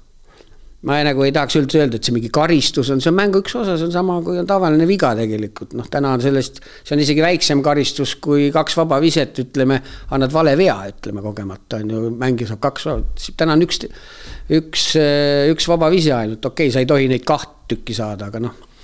et ma ei ütleks, et siin on selline kohe, et see nagu tuul puhub ja, ja, ja kohe siis keegi virutab tehnilise, eks ta peaks ikkagi selgelt tulema teatud ikkagi põhjustest ja mitte kohe esmastest, vaid ütleme ka siis läbi, läbi hoiatuse, see on see vähemalt koolituse tehnoloogia. see on koolitustehnoloogia, aga nüüd ikkagi nagu päris mängus, kui, kui palju sulle tundub, et antakse lihtsalt neid emotsioonitehnilisi, et et no kohtunikega kokkuvõttes inimesed ja neil ka emotsioonid ju löövad samamoodi ju mingi hetk üle, et, et kui palju tulebki neid selliseid põmdi, ma nüüd panen ära, tead noh noh, kindlasti tuleb emotsiooni pealt ja, ja, ja ka see ongi, see on jälle, see on see enese, enesevalitsemine ja, ja enesekontroll, mida sa, mida peab ka kohtunik jälgima iseenesest. loomulikult ma olen, ma olen noh, ma olen ise näinud ja, ja tõenäoliselt ma olen ka oma elu saanud liiga emotsionaalselt mõnikord võib-olla selle tehnilise, aga, aga siin tuleb jah, nagu öeldakse, cool down'i, cool down'i pidada iseenesest, ega siin, ega siin muud, muud sellist soovitust ei ole, ainuke, mis mind täna häirib, aga noh, ma saan ka aru, et see on, see on probleem. et me anname tehnilise siis, kui me eksime ise. aga noh, ütleme siin on, siin on see, piirid on väga-väga õhukesed, noh, ütleme, kui kõik näevad, ütleme saalis treener, sina näed, mängijad näed, et noh, sa eksisid jämedalt, on ju. ja, ja, ja tõenäoliselt, tõenäoliselt noh, saad ise ka aru, et eksisid, on ju et siin võib-olla on, on see piir õhuke, et noh, kõik hakkavad ju õiendama ja treener ja kuidas nii ja, ja siis sa annad selle tehnilise otsa, see on minu arust väga halb asi. see on nagu noh, see ei ole hea, aga noh, siin ongi seda piiri nüüd raske leida, et et pigem siin, siin oleks vaja ka treenerite ja mängijate koha pealt, ma tean, et see ei ole kindlasti kerge, on ju, noh, võta ise noh, kui sa ei tee viga ja sulle vilistatakse viga, mis sa ise väljakul teed, mis ma teeks, samamoodi läheks lolliks, on ju. et no kuule, mis fifty-fifty mäng, sa vilistad mulle vea, mida ma ei teinud, on ju, loomulikult see kõik keevad üle. aga siin see ongi see moment, et kus see nagu piir läheb, et kui sa sellest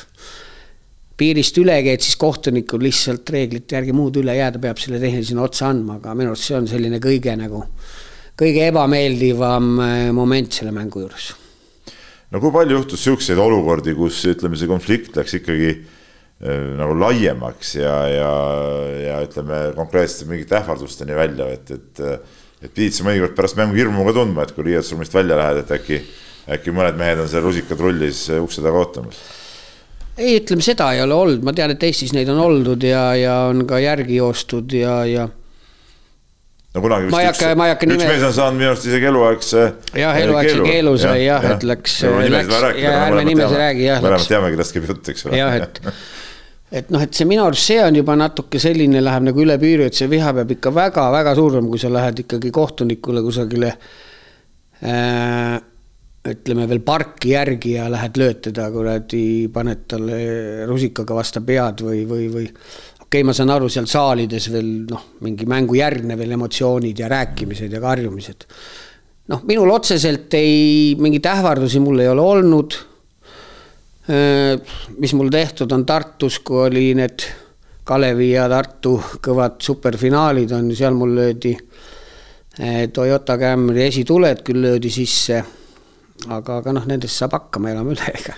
ega arusaadav, noh, kui ikkagi võistkond kohalik. Tartu kaotas tookord, ma arvan. jaa, Tartu, Tartu lisaajal, lisaajal ma mainin, kaotas selle mängu, on see arusaadav, elame üle, aga jah aga noh, ma arvan, et siin see peaks ikkagi jääma see kogu asi neljakümne minuti sisse, noh, eks mul elus on, no kindlasti võib-olla sa mäletad veel seda, kui kui Kullamäega oli konflikt, on ju, tuli, tuli äh, oma rinnaga mind pusklema ja ma andsin diskvalifitseeriva viga, et vea, ütleme. ja kuigi mul pärast on ju, kui seda siin AK-s ketrati seda momenti edasi-tagasi, kas oli viga või ei olnud, lõpuks oli välja, mul oli õigus, on ju. et see oli viga, on ju, et noh, selliseid situatsioone on, aga ütleme ütleme mind jah, otseselt eh, ei ole Eestis ega ka rahvusvahelisel tasemel küll ei ole keegi mulle tahtnud kallale tulla ega mind ähvardatud ei ole. no Eesti on nii väike ja, ja tegelikult eh, noh, inimesed tunnevad üksteist hästi, sõbrunetakse ka, kas, eh, kas kohtunik ja treener või kohtunik ja mängija saavad olla omavahel sõbrad? saavad. kuidas see mänguolukorras ütleme, lahendada see olukord? noh täna on see, täna, täna enam nii ei ole, ütleme, kui oli Eestis eh, seal kaheksa-üheksakümnendatel on. siis olid need tuurid, nädalalõputuurid, nagu sa mäletad, on ju, ja siis me olime peaaegu nädalavahetuse koos, on ju, ja noh, ikka sattusime kokku ja, ja, ja ikka tekkisid suhtlused ja momendid. täna sellist asja enam ei ole, vaata täna kohtunikud tulevad kohale, lähevad eemale. Vilistavad mängu ära, on ju, ütlevad head aega ja, ja kas siis annavad kätt või ei anna, on ju, ja, ja ja, ja siis lähevad lahku ja selleks on see läbi, on ju. aga minul oli omal ajal selline printsiip ja, ja alati ma ka, kellega ma ütleme, käisin mängijatega läbi ja treeneritega. Eh, noh, võin öelda isegi sõbrustasin, meil Heino Rebane oli hea sõber omal ajal. ma selle peale tahtsingi vihjata. jah, Heino jah, et kindlasti oli hea sõber, aga meil oli alati Heinoga oli selline kokkulepe isegi, kui laua taga mõnikord viina viskasime, et Ents, teeme nii, et kui mina astun väljakule siis nelikümmend minutit ei tunne sina mind ja mina ei tunne sind. ja seda, see oli mängijatega samamoodi ja sellepärast oli ka üks austusmoment, et see oli nii siis see oli nagu selline kirjutamata reegel, nelikümmend minutit hakkas see mäng, on ju, hakkas esimene minut ja lõppes nelikümmend minutit, seal, seal me ei olnud sõbrad. seal olin mina kohtunik, nemad mängijad, on ju. nii et noh, see, sa pead sellist reeglit kasutama, kui selline, sellises väikses külas selline see case on, on ju noh. täna seda ei tekigi nii palju, sellepärast et nagu ma ütlesin tuleme, läheme, on ju. noh, võib-olla välja, ma ei, ma ei tea kõike kohtunikku, võib-olla keegi on sõber Kullamäega või noh sinuga või no, ma ei tea. tekkida see, et kes on kellega nooruses koos mänginud. mänginud just, just ja neid on noh, ütleme Peerandil on neid kindlasti ja. ju ka samamoodi keeruline, ise vana Tartu Ülikooli mängija on ju kindlasti neid ju sõpru on ju.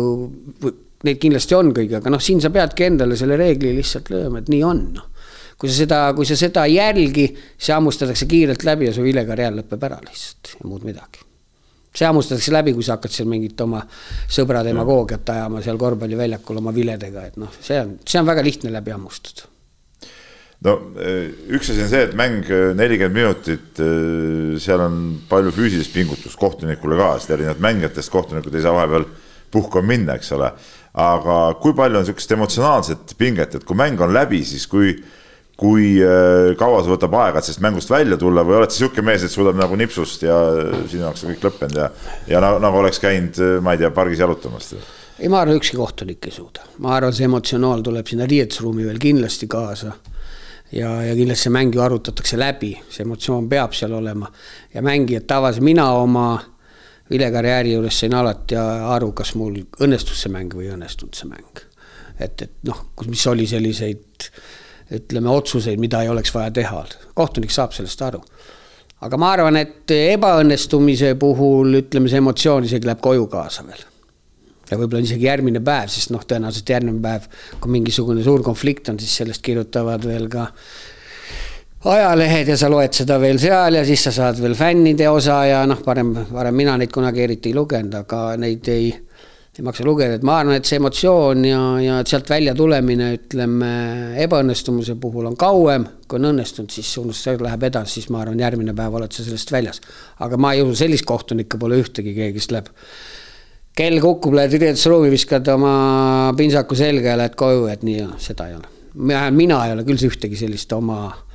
ühtegi kolleegi oma, oma seltskonnas näinud, kellel ei läheks, ei läheks ikkagi see emotsioon ei tuleks kaasa, vähemalt kuni riietusruumini. Aga kuidas sellest, ütleme, kui tõesti on niisugune pikem emotsioon, kuidas sellest välja tulla, lähed koju, noh kuidas sellest välja tulla, oli sul mingi oma nipp, ma ei tea, no tegid, ma ei tea, sada grammi, ma ei tea, läksid jooksma, mida iganes, mis, mis see nagu see, see nipp nagu on? noh, eks see no iga inimene on erinev, eks iga inimene tuleb erinevalt välja, noh, ütleme minu puhul tõenäoliselt ikkagi see mõnikord tõesti oli vaja välja minna ja, ja võtta selle kolleegidega või oma lihtsalt lähed, võtadki selle sada grammi, maandad ennast natuke sellest, ütleme, jamast. ega siin mõni, mõni läheb, mõni, mõni läheb, teeb sporti, läheb jõusaali või mida iganes või, või. Need on erinevad võimalused iseenesest, aga, aga aga noh, sa ei saa seda lõpmatuseni ja kõige hullem, kui sa viid selle koju kaasa ja sul on veel ebaõnnestumine, siis tekib seal peres veel pinged üles, et parem, parem, parem proovida sellest saada, saada ennem lahti, kui sa sinna perekonnarüppe jõuad, et see on nagu, nagu selge, aga eks need erinevad, inimesed on erinevad. no ma ennist küsisin kõige sihukest äh, kõrgetasemest vägevamat mängu, mis on olnud, et, et kas sul on, ma küsin, et kas sul on olnud mõni sihuke eriline mäng võib-olla, mis nagu ebaõnnestumise või või pinge poolest, eh, mis on sulle meelde jäänud või mis on sul võib-olla hinges nagu pikka aega olnud või võib-olla siiamaani? võib-olla mul on, võib-olla mul on, mis mul jäi hinge, mis ma magasin maha, oli Eesti meistrivõistlustel oli pronksimäng, mängis Rakvere ja seesamane siis Baltika, Taavi Reigan veel mängis ja ja, ja, ja kuidagi seal viimasel rünnakul eh, Lokotševski selle palli sealt vahelt kätte sai ja korvi poole pani ja Reigan pani talle järgi ja, ja ma kuidagi jäin sealt nii halvasti nurga alla ja ja, ja tõenäoliselt seal oli viga ja, ja seda vilet ei tulnud ja, ja Rakvere kaotas sellega pronksi. nii et noh, ütleme, see on mulle nagu jäänud hinge, noh, sest selle, see oli noh, selles mõttes seal oli ka mõlemal pool on ju, mul oli kadunud Agafonov on ju oli ja, ja Ants Vändrik olid ühel pool ja teisel pool Heino Rebane, nagu öelda, väljapool mängu head sõbrad mõlemad on ju. kõik kolmekesi, et see oli mul nagu sellepärast nagu hingeliselt raske, et ma oleks pidanud ikkagi selle nagu lahendama õigesti, kui me seda videost pärast vaatasime, siis selgelt Reigam tegi Lokotševskile vea ja seal oli ühepunktiline võit ja et noh noh, selle üle oli pärast niikuinii, aga ei, aga üldiselt oligi nii, nelikümmend minutit lõppes ära ja, ja pärast me saime kõigiga nendega edaspidi oleme siiamaani, saame, oleme ka kõigiga läbi hästi edasi saanud, aga see oli, see jäi mul nagu hinge, et miks ma, miks ma ei suutnud seda nagu ära fikseerida, et oleks nagu õiglaselt see mäng saanud lõppeda. kui palju see sinu jaoks äh, muutis korvpalli, kui kahe kohtuniku asemel tuli kolm, kolm kohtunikku? no ütleme, kindlasti läks lihtsamaks kindlasti läks lihtsamaks, palju ju kahe kohtunike puhul, noh, minu enam, minu enamuse karjääri äh, vilistamine oli kahe kohtunikuga ja, ja kolmega ma vilistasin tõenäoliselt oma viimased, viimased viis-kuus aastat. aga kindlasti läks lihtsamaks, palju pimedaid nurki kadus ära ja, ja ma arvan, et see oli korvpallile väga õige otsus iseenesest. ainult muidugi, mis ta tekitas, tekitas sellise uute noorte kohtunike puhul sellist vastutuse mittevõtmist. näiteks ütleme noh, meie olime harjunud kaheksa vilistama, meil ei olnud kellelgi seda vastutust jagada, on ju, aga nüüd ütleme mina ja ütleme, Aare Allik on väljakul ja tuli kolme suurune rukki, siis, siis mõnikord oli lihtsalt neid vendasid, kas nad olid seal väljakul või ei olnud, siis neid ei olnud. et see võib-olla oli natuke kohtuniku arengu koha pealt, mina pean seda kahemehaanikat väga oluliseks. seal tek-, sealt tuleb see persoon välja, sealt tekivad need momendid, on ju, seal on sul vastutust, on ju aga korvpalli jaoks loomulikult on vaja seda kolme, sest kahe puhul tõesti oli need paar-kolm pimedat nurka olid, olid, olid noh, eriti siin kolm tsoon on ju, neli tsoon mõnikord, et et need jäid, jäid nagu mõnes situatsioonides katmata. nojah, ütleme ise mängus sees olles on nagu arusaamatu, et et pagan, te olete kolmekesi seal platsi peal, siis ka ei näe ja siis, kui sa küsid kohtuniku käest midagi et kuule, et, et kas sa siis ei näinud, et siin on nii, siis no üheksakümmend protsenti kordades ma saan vastuse. see ei olnud minu, minu see äh, tsoon või minu asi vaadata, üheksakümmend protsenti. ja nii on, nii ongi, vot see ongi selle kolme ja. miinus, see ongi selle kolme miinus. kahe puhul sa ei saanud vastata, et seal minus on, see oli põhiliselt oli kõigi mõlemad tsoon alati, nii et aga mulle see vastus ei meeldi kunagi, kohtunikud nii ütlevad, ei olnud minu tsoon. kui sa nägid seda ja su partner ei vilista, siis sinu asi on see sada protsenti kohustus vilistada. see on mängule tähtis vile mm. -hmm. see ei ole vahet, sinu tsoon ei olnud. kui sealt teiselt õiget tsooni kohtunik tule ja sina näed seda, siis vilista. ega keegi sellepärast sulle siis noh, jumal sind sellepärast maha ei võta, ei karista, et sa vilistasid valet tsooni vea. mis, mis, mis meil see kõige tähtsam täna on, mäng mäng on kõige no, tähtsam. muidugi. ja viga on viga, noh. ja viga on viga, kui sa pole vahet, kes vilistab. jah, ja kui sa, kui treeneril ja mängijal pole vahet, neil on tähtis see otsus, et see oleks õige otsus. Äh, no mäng on läinud ajaga muidugi palju kiiremaks, ütleme võrreldes selle ajaga, kui sa alustasid kohtuniku karjääri. no ma usun, et oli mõnes mõttes nagu lihtsam see, no isegi praegu vaadata, noh, kuigi üheksakümmend üks, kui Kalev Liidu meister, ma olin ka saalis, mulle tundus, et oh, see mäng on ikka noh, nagu super tempo ja kõik ja kui sa nüüd vaatad neid vanu kaadreid siis see on nagu mingi naljanumber, eks ole, et, et ja noh, eks kohtunikul ka siis, siis oli ikkagi nagu tundub, et nagu lihtsam jälgida kui praeguse ülikiire mängu jooksul, et, et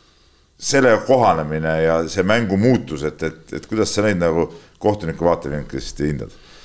no mäng, mäng on ikka muutunud drastiliselt, sul on õigus, kui ma täna oma, omagi mõnikord satun VHS-i vaatama, mingi Baltika vastu mängib, siis andke andeks, siis noh, siis tundub, nagu mängiksid aegluubis ja eks see põhjus on ka, et see mäng kogu aeg läks füüsilisemaks ja, ja kohtunikele,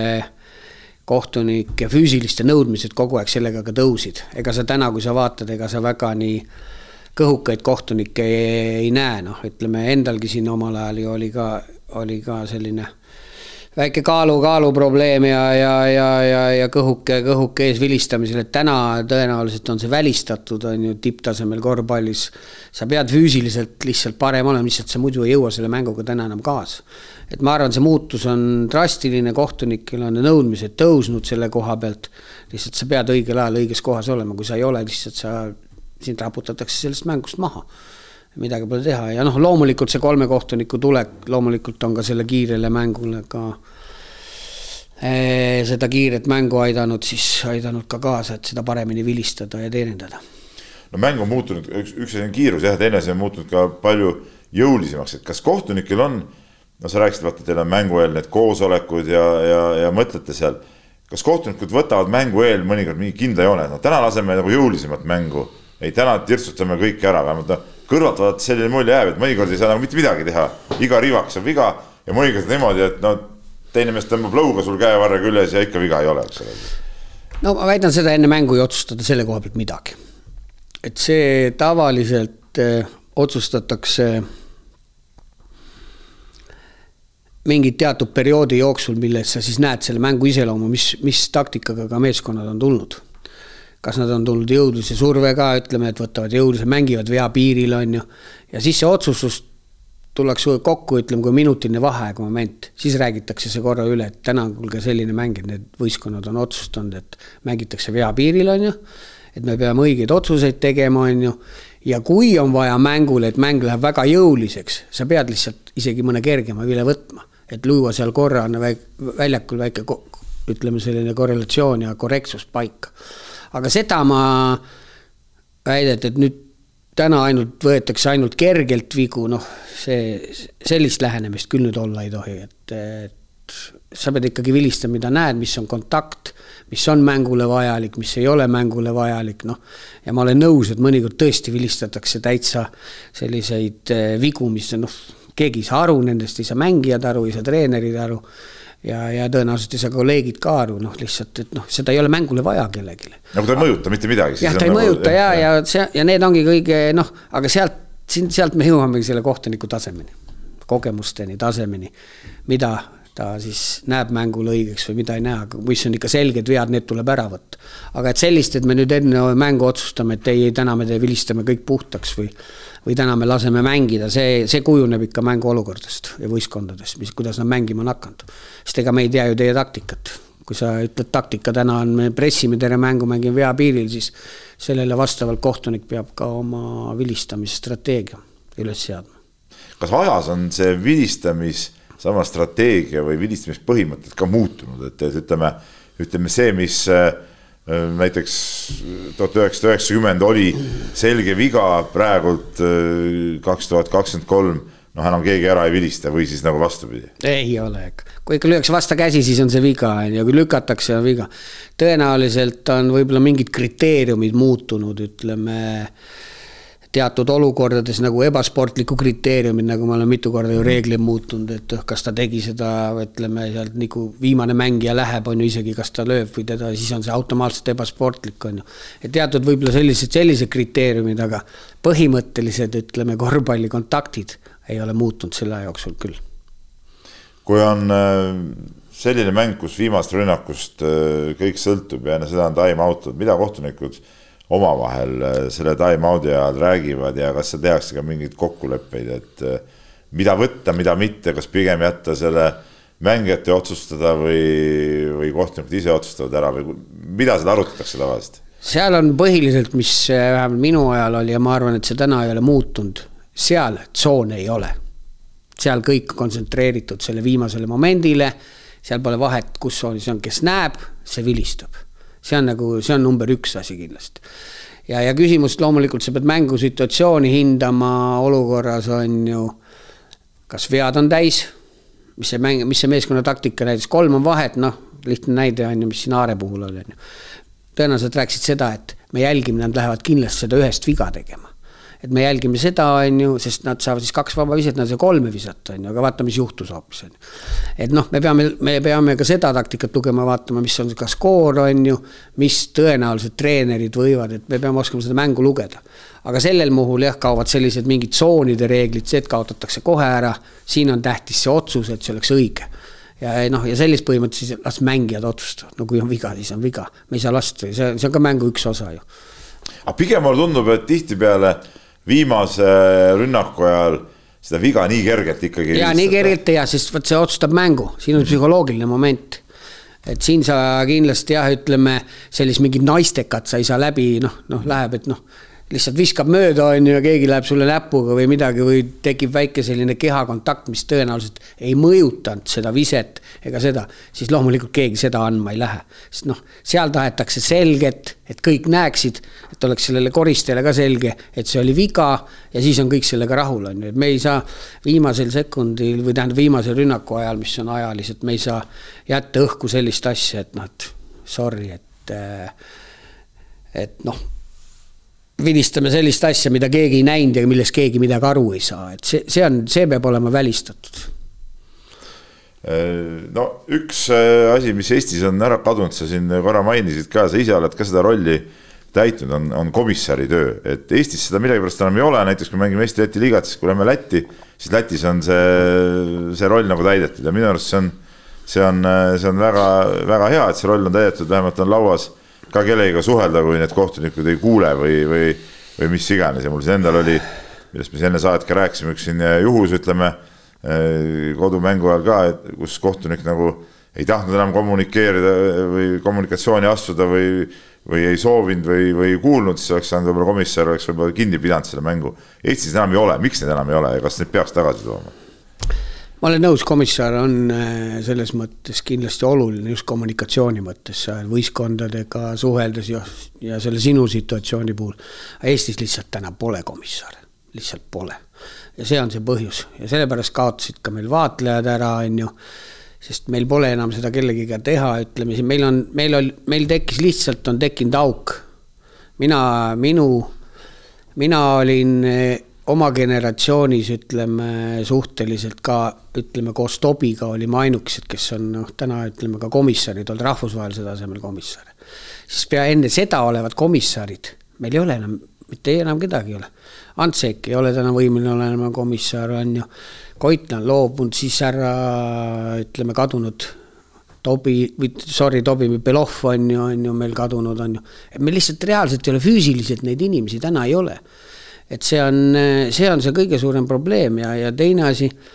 teine asi oli meil ka ütleme, vaatlejate puhul lihtsalt see vana generatsioon ei suuda täna sellele uuele põlvkonnale nende uutes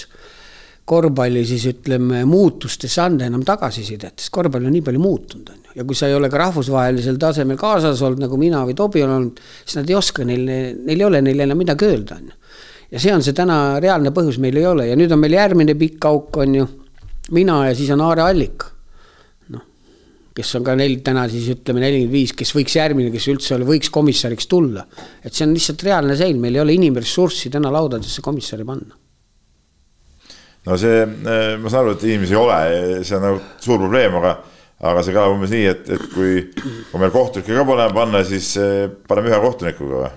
Ei noh, lihtsalt on ajalooliselt tekkinud lihtsalt täna sellised, sellised augud, et neid inimesi ei ole, noh, tõenäoliselt mingi periood jälle tekib, kus me saame katta ja võib-olla need komisjonid tulevad omal ajal tagasi. selles noh, kui ütleme, tegevkoht, koht, komissariks saab see põhimõtteliselt ikkagi olla, kes on tegevkohtunik olnud ja ja, ja, ja oma karjääri lõpetab, kes jagab ka selle asja, meil ei ole mõtet ju tuua, ütleme ei no see on selge. raamatukogust mõnda inimest sinna istuma. jah, see on, see on, see on nagu loogiline. aga sel juhul ma küsin seda, et aga kes siis eh, nii-öelda, kui ei ole meil vaatlejaid, ei ole komissare, kes siis kohtunikele vigu vilistab? täna on meil selline süsteem, eh, kus siis eh, meie rahvusvahelise kategooria kohtunikud tegelevad videovaatlustega ja, ja nad on selles suhtes eh, suur tänu neile, et nad selle oma panuse panevad, nii Peerandi, Alliko, Tanel Susson lõpetas, tema teeb seda täna kõige rohkem oma, oma oma vabast ajast, et nüüd siis need ja siis eh, Männiste on ju, kes on rahvusvahelisega kohtud, kes oskavad videoanalüüse teha, on ju ja siis nemad teevad seda koos siis kohtunikega, neid analüüsitakse ja saavad tagasisidet, et selles mõttes on see asi läinud iseenesest palju paremaks sel ajal, kui meil olid siis need vaatlejad, kes kunagi nagu, kes, kes enam ei olnud ajakohased, aja, ajaga kaasas käivad, ütleme, ütleme vaatlejad, kes ei tea, teadnud tänapäeva, ütleme, uutest korvpallitrendidest midagi et ma arvan, et praegu see on noortele kohtunikele on see väga positiivne, et nende vanemad kolleegid ja rahvusvahelise taseme kolleegid annavad neile tagasisidet nendele mängudele, mida nad täna teevad. kuidas otsustatakse mõne kohtuniku nii-öelda külmkappi panek? otsustab Atso Matsalu teatud siis videovaatlejate ettepanekul. aga ma pean tunnistama, meil ei ole keda täna külmkappi panna, meil pole kohtunikke aga on pandud ju aja jooksul? on pandud, isegi see hooaeg on pandud kaks kohtunikku minu ettepanekul, nii et, et ikka pannakse. ega küsimus on selles, kui ikkagi kohtunik selgelt nagu ütleme oma mingis siis noh, ma ei taha öelda, võib-olla lohakus on nagu paha sõna, aga teatud kindlate kokkulepitud eh, tegevuste põhjal, mida ta ei tee ja see mängu tulemus saab nagu mõjutatud, siis ma arvan, see kohtunik peab saama selgelt ka signaali selle kohta, et ta mingiks ajaks teda ei määrata nendele mängudele. kas sa oled ise ka külmkapis olnud kunagi? ma arvan, et eh, Eestis ma ei ole olnud. ma mõtlesingi rahvusvahelisel tasemel. rahvusvahelisel tasemel on raske öelda, sest meie ajal see kommunikatsioon oli eh, kümneid kordi hullem kui täna, täna isegi võib-olla sulle antakse tagasisidet viibaks, miks sa mänge näiteks ei saa või sa saad helistada selle määrajaga, küsida, mis seis on, siis sel ajal, kui oli Ljubomir Kotleba määraja, lihtsalt siis noh, keegi ei julenudki talle helistada, lihtsalt said aru, et kui sul paar kuud ei olnud, siis tõenäoliselt sa istusid külmkapis aga miks see nii, et kui mõni treener, mängija saab äh, võistluskeelu, äh, noh, kui on seda ära saadetud või mingi otsus on vastu võetud, nüüd jätab kaks-kolm mängu vahele. Äh, sellest saab meedias igal pool lugeda, aga miks me ei saa lugeda sellest, kui, kui kohtunik äh, peab jätma näiteks kaks nädalat või kuu aega vahele? ebaõiglane. hea küsimus, mõnes mõttes on ebaõiglane jah, aga ma olen, ma olen tegelikult viimasel ajal isegi andnud tagasisidet ja me oleme seal korvpalliliidu kohtunikukomisjonis seda teemat isegi arutanud ja, ja ja ma olen võib-olla isegi tulnud sellele seisukohale, et, et me võime seda infot jagada ma arvan, et see täna ei tohiks olla, kuigi see ei ole tavapärane kunagi olnud, siis tegelikult ütlemegi see Aare, ütleme Euroliiga siis mängu või siis. no see kuidagi tuli välja. see tuli välja, aga, aga mismoodi see välja tuli, keegi seda ei tea, tegelikult ei oleks tohtinud tulla välja. et noh, pigem, pigem, pigem võib-olla võib-olla see ikkagi mõnes mõttes ütleme, mõjutab seda kohtunikku ka natuke psühholoogiliselt, kui ta uuesti tagasi tuleb ja, ja ja, ja sinna väljakule tuleb ja tuleb samasse keskkonda ja, ja nende just sellesama mängu pärast neid võistkondi vilistama, noh, tõenäoliselt meil ju korduvad, on ju, neid mänge nii palju, on ju. samade võistkondade, et võib-olla seal võib tekkida mingisugune selline väike konfliktsituatsioon, et võib-olla me oleme üritanud nagu seda nagu natuke välgida. kolleegide sees me seda anname teada loomulikult, sest noh, see on nagu loogiline, on ju. aga kas teda täna nüüd Delfisse peaks tooma või siis äh, Postimehest ma ei ole, me ei ole sellele otsusele veel täna nagu selgelt jõudnud, siin on plusspooled ja miinuspooled. selles mõttes ebaõigluse mõttes on sul õige, see võiks olla, on ju, aga teises mõttes jälle selle kohtuniku seisukohalt võttes, et ta läheb sinna samasse keskkonda tagasi, et mis see nagu psühholoogiliselt jälle mõjutab teda. et võib-olla mängule see ei ole hea, kui me anname seda teada, ütleme kõigile avalikult no vaatame lõpetuseks natuke korvpalli laiemalt ja Eesti korvpalli, et sa oled äh, väga pikka aega olnud Eesti Korvpalliliidu juhatuses, sa oled kandideerinud korvpalliliidu presidendiks. miks sa ei ole selleks saanud? hea küsimus, miks ei saanud, noh, eks ma siis ju siis ei, sel ajal, kui ma Jüri Ratase vastu kandideerisin, võib-olla siis ei olnud seda korvpallikogukonnas nähti, et see kõrgematasemeline riigi esindaja võib-olla on korvpalliliidule kasulikum kui siis ütleme, endine kohtunik ja, ja ettevõtja, noh, eks seal olid need plussid ja pooled ja noh, tõenäoliselt tähtis on oluline, et ka korvpalliliidu enda nagu töötajaskond oleks selle inimese taga, et see on ka nagu oh, ju siis sel momendil oli see töötajaskond äh, ja see kontor oli rohkem Jüri taga, nii et et ma arvan, selles, selleks oli, ma ei, ma ei arvagi, meil ju tegelikult nii väga põhimõttelisi selliseid äh, erinevusi programmis ei olnud, ütleme. ja, ja seekord ütleme, kui ütleme, Priit kandideeris, siis ta kutsus mind kohe ja enda meeskonda ja noh, mul lihtsalt ei, ka ei, ei sobinud ka sinna, ütleme, vasta siis kandideerida. see oli osav, osav käik tema poolt? no ma arvan jah, et see oli osavalt, osavalt, osavalt tehtud ja, ja, ja kindlasti noh, Priit on iseenesest, Priit on iseenesest ju ambitsioonikas, ambitsioonikas president, eriti naiste korvpalli osas. ja, ja, ja noh ikkagi panustab sinna hästi ja tundub, et täna on selline hea meeskond kokku saadud, et mingid selged eesmärgid on korvpallil täna ja ja ta tutvustas seda ja ma otsustasin, ma löön kaasa temaga, et ma ei hakka talle sinna kõrvale konkurentsi pakkuma, vähemalt seekord. ma lugesin sellest naiste korvpalli vihjest välja teatud äh, iroonia varjundit või? ei, mitte otseselt irooniat, noh, küsimus, ma arvan, et täna on see teema lihtsalt üleval, et äh, et korvpalliliidu juhatus peab selle teema nagu võtma uuesti eri, erikäsitluse alla, sest noh, ega ega täna, nagu sa ise tead, seisukord on ikka suht väga halb, on ju. no väga halb on isegi pehmelt. ja noh, ütleme jah, pehmelt öeldud, et noh, ma lihtsalt ja miks ma, ma viimase juhatuse koosolekul, ma võin selle väga avalikult ka öelda, võtsin selle teema üles, et me peame selle kohta tegema selgelt eraldi kohtumise juhatuse tasandil ja käima need punktid läbi, mis naiste korvpallist saab. sest sellised numbrid, mida näitas meie see aastavahetuse turniir, noorteturniir, siis andke andeks, siis see nagu ei ole väga lootustandev, et et me täna panustame sinna samadel võrdväärsetel tasemetel nagu meeste ja poiste korvpall. Äh, no sa oled äh, ärimehena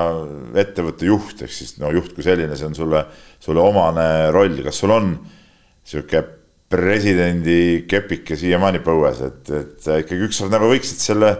selle asja siin enda kätte ka võtta ja hakata, hakata mingit oma suunda lükkama? noh, ma ei teaks nüüd oma suunda, aga, aga noh, ma arvan, et ei, kindlasti mul ta veel põues on, et ma kindlasti kaaluks kindlasti uuesti kandideerimist ja selgelt eh, mul mingid nägemu, nägemusest, nägemused Eesti korvpallist on ja, ja ja, ja, ja võib-olla mõned asjad ikka mõtetes teeks teistmoodi, aga noh, üldises kontekstis täna meie ikkagi Eesti korvpall on äh, suhteliselt äh, selge visiooniga ja plaaniga, noh, kuigi ambitsioonid, nagu kindlasti sa oled ka ise lugenud, see on väga kõrged, ütleme, jõudmine sinna ja väga juba ja medaliteni ja nii edasi, aga noh, ambitsioonid peavad olema iseenesest, aga aga kindlasti, mis mis punktid mind täna kindlasti just nagu teevadki murelikuks, üks on naiste korvpall ja, ja teine on kindlasti, ei ole mina veel saanud täna aru sellisest fenomenist nagu Audentes, nii et et need on kindlasti mingid teemad, mida võib-olla mina nagu natuke vaataks teise nurga alt. no sa oled kaua-kaua korvpallis olnud tegelikult, et kas sa näed, kas korvpall on Eesti noortele, Eesti inimestele sama tähtis kui võib-olla kaheksakümnendatel, üheksakümnendate alguses? noh, kui sa vaatad saalis saalis eks näitaja on, kui palju korvpalli käiakse vaatamas, on iseenesest, kui me võtame täna koondiste tasemel, siis on meil ju seis iseenesest väga hea, käiakse väga palju vaatamas, on ju noh. meistriliigas sa tead ise paremini, sa käid kõik need saalid läbi, noh, võtame täna Rakvere, noh, see on noh, see on antikorvpall on ju, vanasti oli Rakvere puupüsti täis see suur saal. nii et eh, ma arvan, et eh, et eh, see mingisugune huvi on kindlasti läinud vähemaks, kui oli, ütleme siin teatud noh, ma ei räägi üheksakümnendatest, siis me mängisime nädala lõppudes pikka voore, siis olid need hallid olid täis ja, ja aga ma arvan, et täna me Kalevi ja Tartu mängude Saksalu puupüsti täis ei saa ja seisukohad ka ei, vist, vist ei saa. nii et kui me selle võrdluseks täna võtame, siis kindlasti see selline huvi on kadunud, jah. no ütleme kui me olime noored, see tore alati väljendaks seda omal ajal, no siis ikkagi võis öelda, et korvpall oli ikka nagu rahvus, äh, rahvussport, no ütleme, see oli nagu ikkagi, ikkagi A ja O ja, ja seda kõik jälgisid ja noh, nagu korvpalliromaanistki võib äh, lugeda, kuidas äh, ütleme, kogu, kogu Tallinn elas mingi Kalevi mängu rütmis seal omal ajal ka, olid need tähtsad mängud ja turniirid. mida teha, et, et see olukord taastuks või kas seda üldse on võimalik nagu taastada? ma arvan, et ei ole vaata, täna on ju kõiksugused äh, meedia igasugused vaheme, kõik mängud on ju, kantakse üle ja tänapäeval see inimene on nii palju ikkagi mugavaks muutunud, noh, kui sa saad kõik mängud täna Delfist kätte, ütleme. sa saad esiliiga mängud ka kõik kätte, on ju. et ma arvan, et äh, et on väga keeruline seda taast-, taastada seda olukorda, mis kunagi oli, et et sellel on kindlasti oma mõju, noh, ja eks noortel on ka noortel on ka palju muid huvisid juures kõrvale tekkinud kõikide muude, muude lõbudega siin elus, et ma arvan, et see ühiskond on lihtsalt nii palju muutunud. aga iseenesest ma arvan ikkagi sellise koondise tasemel on korvpall meile tähtis ja, ja kindlasti jääb tähtsaks ja, ja noh, see on ka korvpalliliidu ju number üks roll on ikkagi, et meie koondis oleks, oleks, oleks, oleks, oleks heas konditsioonis ja parimad saaks kõik siin mängida, kuigi väga kahju tundub, et tänu selle FIBA ja Euroliiga konfliktile me siiamaani ei saa oma parimat koondist näha ainult kui finaalturniiril, nii et et see on ka veel üks mure, aga ma arvan, et see ei taastu selle tasandil, ma ei usu, et me täna näeme selliseid, selliseid ütleme, maju, maja korvpallisaale täis olevaid lahinguid, ütleme Tartu ja Kalevi vahel või mida iganes, aga aga noh, selles mõttes jälle väga tore, et kaardile on tulnud sellised uued klubid nagu Keila ja Pärnu ja Keilas, nagu ma olen aru saanud, rahvas käib ikka vaatamas ja saal on suht täis ikkagi saal on vist ka väike, et seda. no saal on ka väike. annab efekti juurde. annab efekti juurde, minu arust see on, minu arust ongi, olgu see saal väiksem, aga kui ta on seal rahvas sees, seal on kõigil parem olla, nii mängijatel kui kohtunikel ja kogu see atmosfäär on väga korvpallile ju väga oluline iseenesest et selles suhtes on jälle positiivne, et selline suur, aga noh, ütleme, mis siis täna sellise nagu Rakverega teha, kus sul kolm pealt neli vaatajat istub sellises suures saalis, mis me teeme nendega siis noh, midagi pole teha, aga noh, nii see olukord täna on no väga tore, igatahes oli Atso sinuga vestelda kohtunike asjadest ja, ja nüüd lõpus siin korvpallist üldisemalt ka, et eh, suur tänu tulemast sulle. ja aitäh sulle kutsumast. ja see oli siis Peep Pahvi ajupeete järjekordne saade. kahe nädala pärast räägime mõne uue inimesega ja mõnest uuest spordialast.